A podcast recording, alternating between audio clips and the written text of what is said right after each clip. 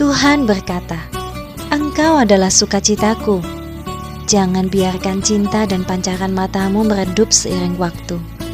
Miliki akar yang mendalam dan bertumbuhlah kuat ke atas. Engkau adalah putra dan putri kesukaanku. Jangan biarkan apa pun dan seorang pun merebut hatimu di dunia ini. Anakku, cintailah panggilanmu. Hidupmu adalah sebuah keajaiban dan mujizat. Engkau terlahir dengan perencanaanku yang sempurna.